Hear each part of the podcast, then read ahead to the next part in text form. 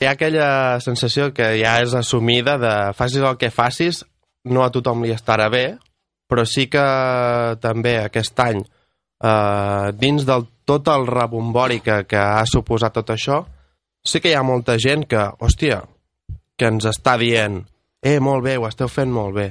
Bravo pel concert que heu fet, perquè tota aquesta gent que ara us ho està criticant, l'any passat no hi eren. I al final acabes quedant amb, amb les coses positives que t'aporta la gent, no? O sigui, és evident que tots hem de fer autocrítica i que, bueno, doncs que hem d'assumir totes les crítiques que venen de part del poble. Però sí que crec que és molt més important eh, el recolzament que reps per, per la majoria de, de, de la ciutadania, no?